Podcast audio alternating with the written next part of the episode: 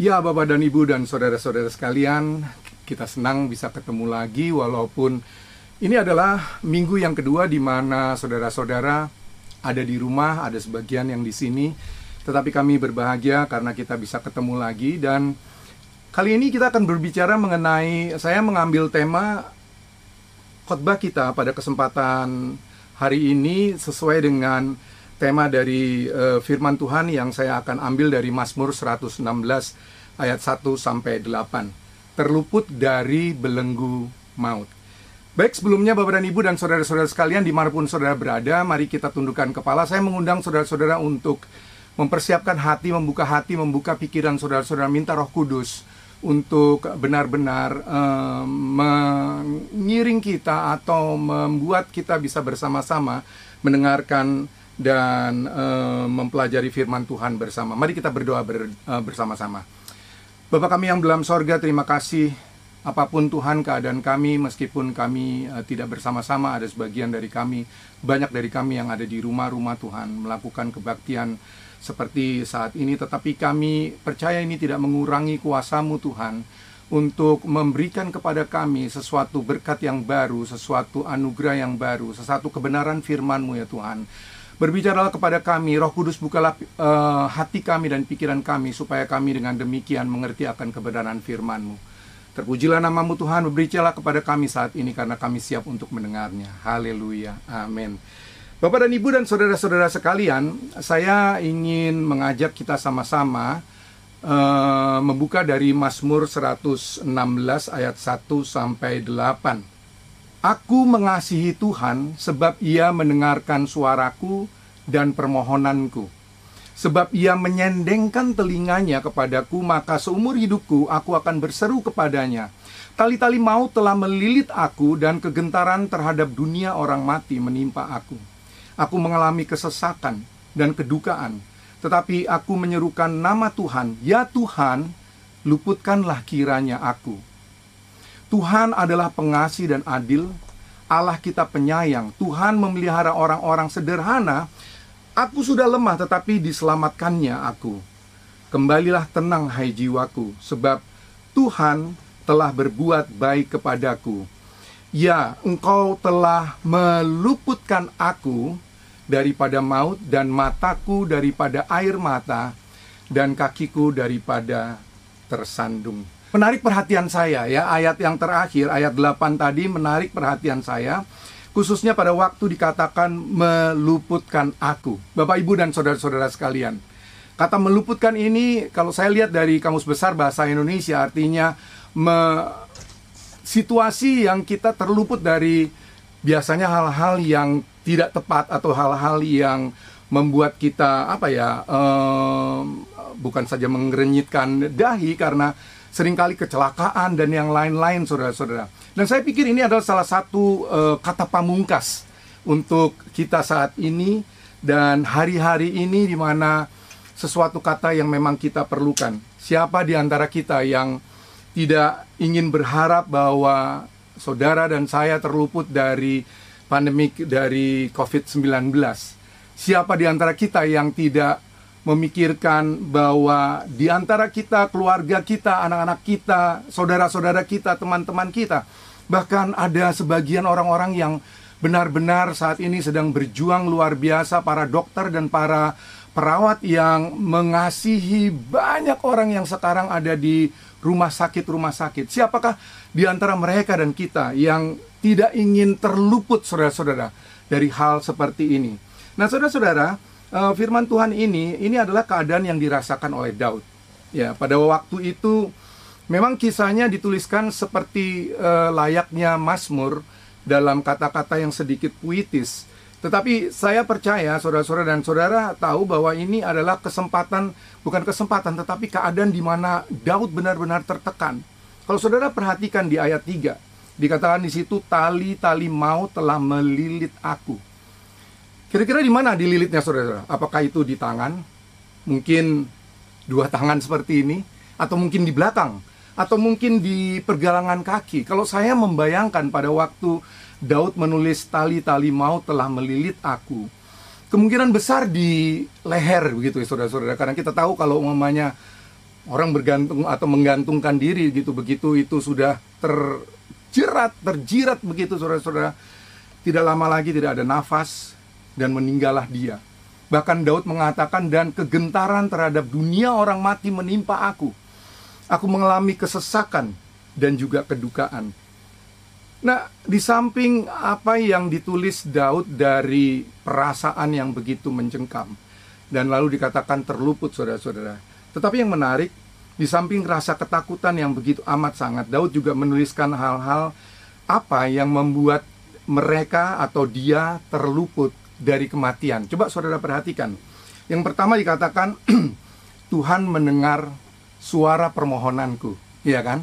Lalu yang kedua dikatakan juga bukan cuma mendengar tetapi dia menyendengkan telinganya seperti seolah-olah membungkukan begitu ya saudara-saudara ingin mendengarkan seperti itu lalu Daud mengatakan karena Tuhan mendengarkan, karena Tuhan menyendengkan telinganya, maka Daud memohon terus-menerus. Dia kayak mau seterus-terusnya, ya bukan cuma sehari, dua hari, seminggu, sebulan dikatakan di sini seumur hidupku, saudara-saudara.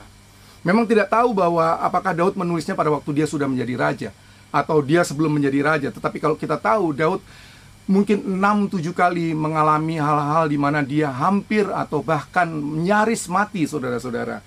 Seperti pada waktu dia dikejar-kejar oleh Saul. Ya, tetapi yang jelas Daud dapat menggambarkan dengan jelas. Meskipun dia dalam keadaan yang tertekan, pada akhirnya dia terluput. Nah, saudara-saudara, mencoba untuk memikirkan apa yang tengah Daud rasakan atau Daud alami. Saya teringat akan satu raja lagi, saudara-saudara, yang juga mengalami hal seperti yang Daud rasakan. Tetapi kali ini terlihat bagaimana Allah turut bekerja, Allah turut e, memberikan sesuatu e, apa ya semacam kayak apa itu namanya arahan begitu ya saudara-saudara. Itu adalah pada waktu Raja Ahas. Saudara tahu, Raja Ahas adalah raja orang Yehuda dan uh, bukan cuma Raja Ahas pada waktu itu, tetapi masyarakat Yehuda. Begitu ketakutan. Pada waktu di satu saat ada uh, Raja Aram yang ingin menyerang mereka. Dan pada waktu itu begitu ketakutannya Raja uh, Raja Yehuda ini, saudara-saudara. Sehingga pada satu saat, nah ini menarik sekali. Pada satu saat Tuhan meminta Yesaya untuk datang kepada Raja Ahas pada waktu Raja Asa, Raja Ahas dan juga masyarakatnya atau eh, orang-orang uh, Yehuda itu begitu sangat desperate, begitu sangat ketakutan, sudah putus asa saudara-saudara. Tuhan memanggil Yesaya untuk mengatakan sesuatu kepada Raja Ahas. Apa yang dikatakan? Kita lihat di dalam uh, Yesaya 7. Nah, cerita ini memang diambil dari Yesaya, saudara-saudara. Coba saudara lihat dari Yesaya 7 ayat 1 sampai seterusnya, tetapi di ayat 3 uh, firman Tuhan mengatakan seperti ini. Berfirmanlah Tuhan kepada Yesaya, Baiklah engkau keluar menemui Ahas, engkau dan Shear Yashub, ya, anakmu laki-laki, ke ujung saluran kolam atas dan jalan raya pada eh, padang tukang penatu. Lalu di ayat uh, 4a-nya mengatakan seperti ini, dan katakanlah kepadanya, teguhkanlah hatimu dan tinggallah tenang, janganlah takut, dan janganlah hatimu kecut. Kira-kira gimana saudara-saudara? Kalau kita bayangkan, kalau saudara dan saya ini masyarakat yang ada di Yehuda pada waktu itu, atau mungkin saudara bagian dari kerajaannya pada waktu itu, sedang benar-benar tertekan. Bisakah pada waktu itu kita teguh hati kita seperti yang diminta? Lalu juga tinggal tenang. Ya, jangan takut.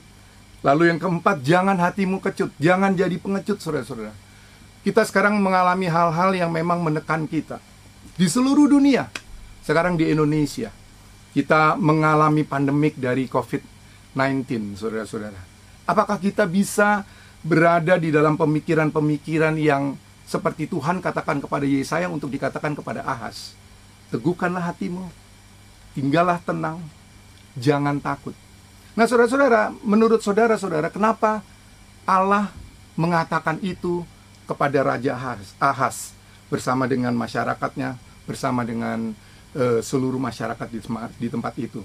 Meneguhkan hatinya, tenang, jangan takut dan jangan kecut hatinya, saudara-saudara. Pada waktu itu Yesaya atau Allah mengatakan atau Tuhan mengatakan kepada uh, melalui Yesaya kepada Raja Ahas untuk meminta suatu tanda.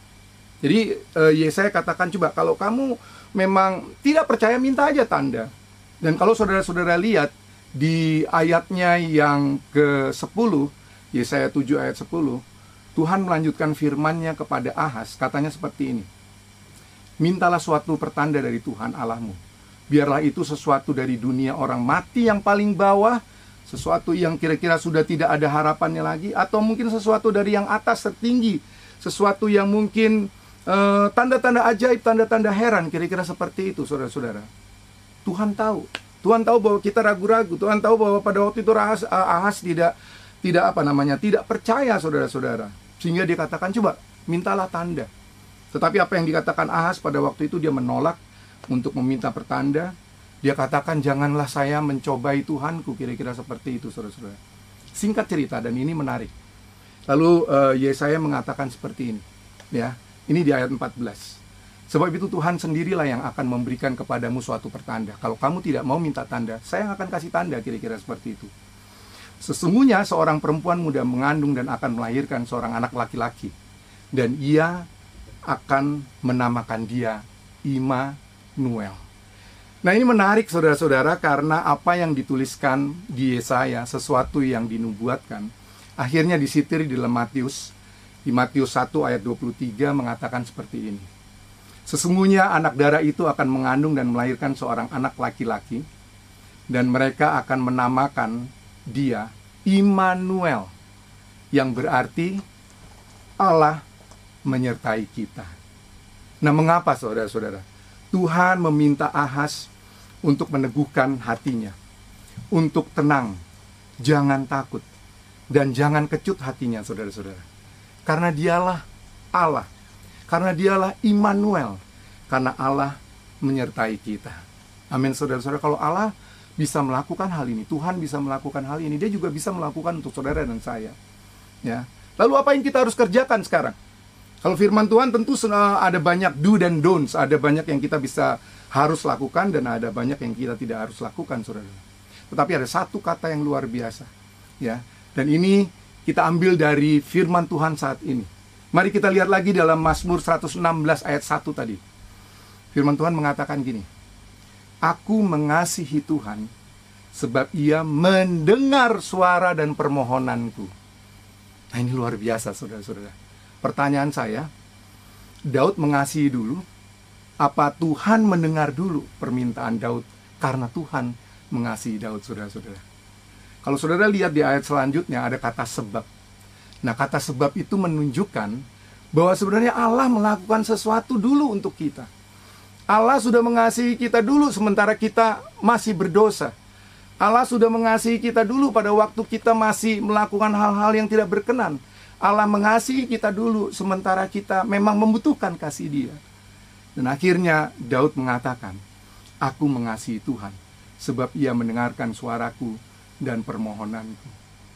Luar biasa sekali saudara-saudara.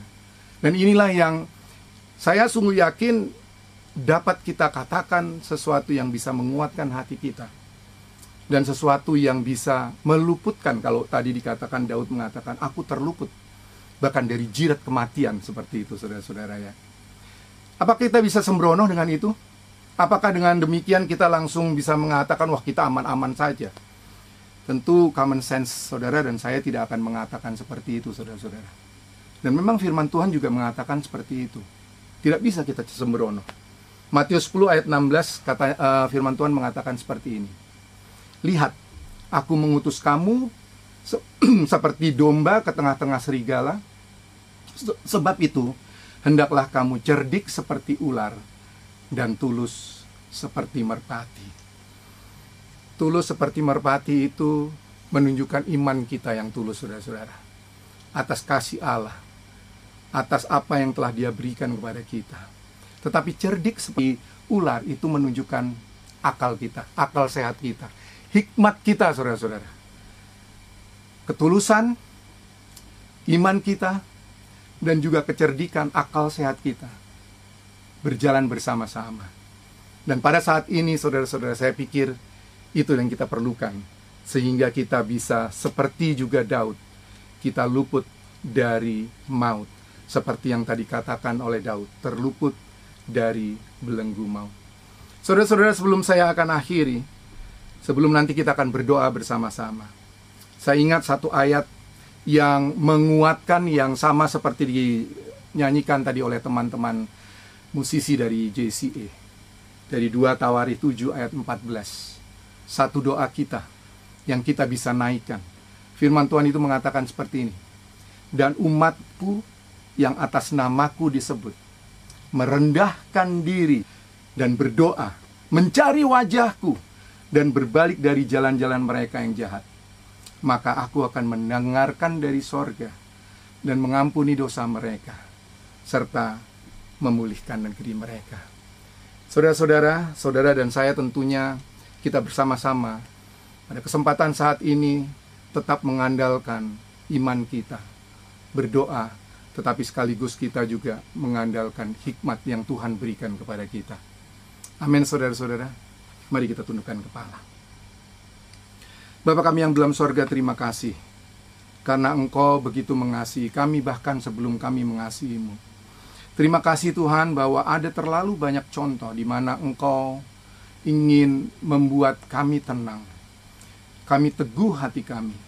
Kami tidak bimbang Tuhan. Karena Engkau adalah Immanuel. Allah yang senantiasa menyertai kami semua yang ada di tempat ini. Terima kasih untuk kami yang ada di tempat ini maupun mereka yang ada di rumah-rumah Tuhan. Berkatilah kami pada hari-hari seperti ini ya Tuhan Yesus. Lindungilah kami, jauhkanlah kami dari mara bahaya, dari sakit penyakit, dipermalukan orang. Dan kami senantiasa akan terluput dari banyak hal yang mengganggu kami pada hari-hari ini. Segala puji dan hormat kami naikkan hanya untuk kemuliaan namamu.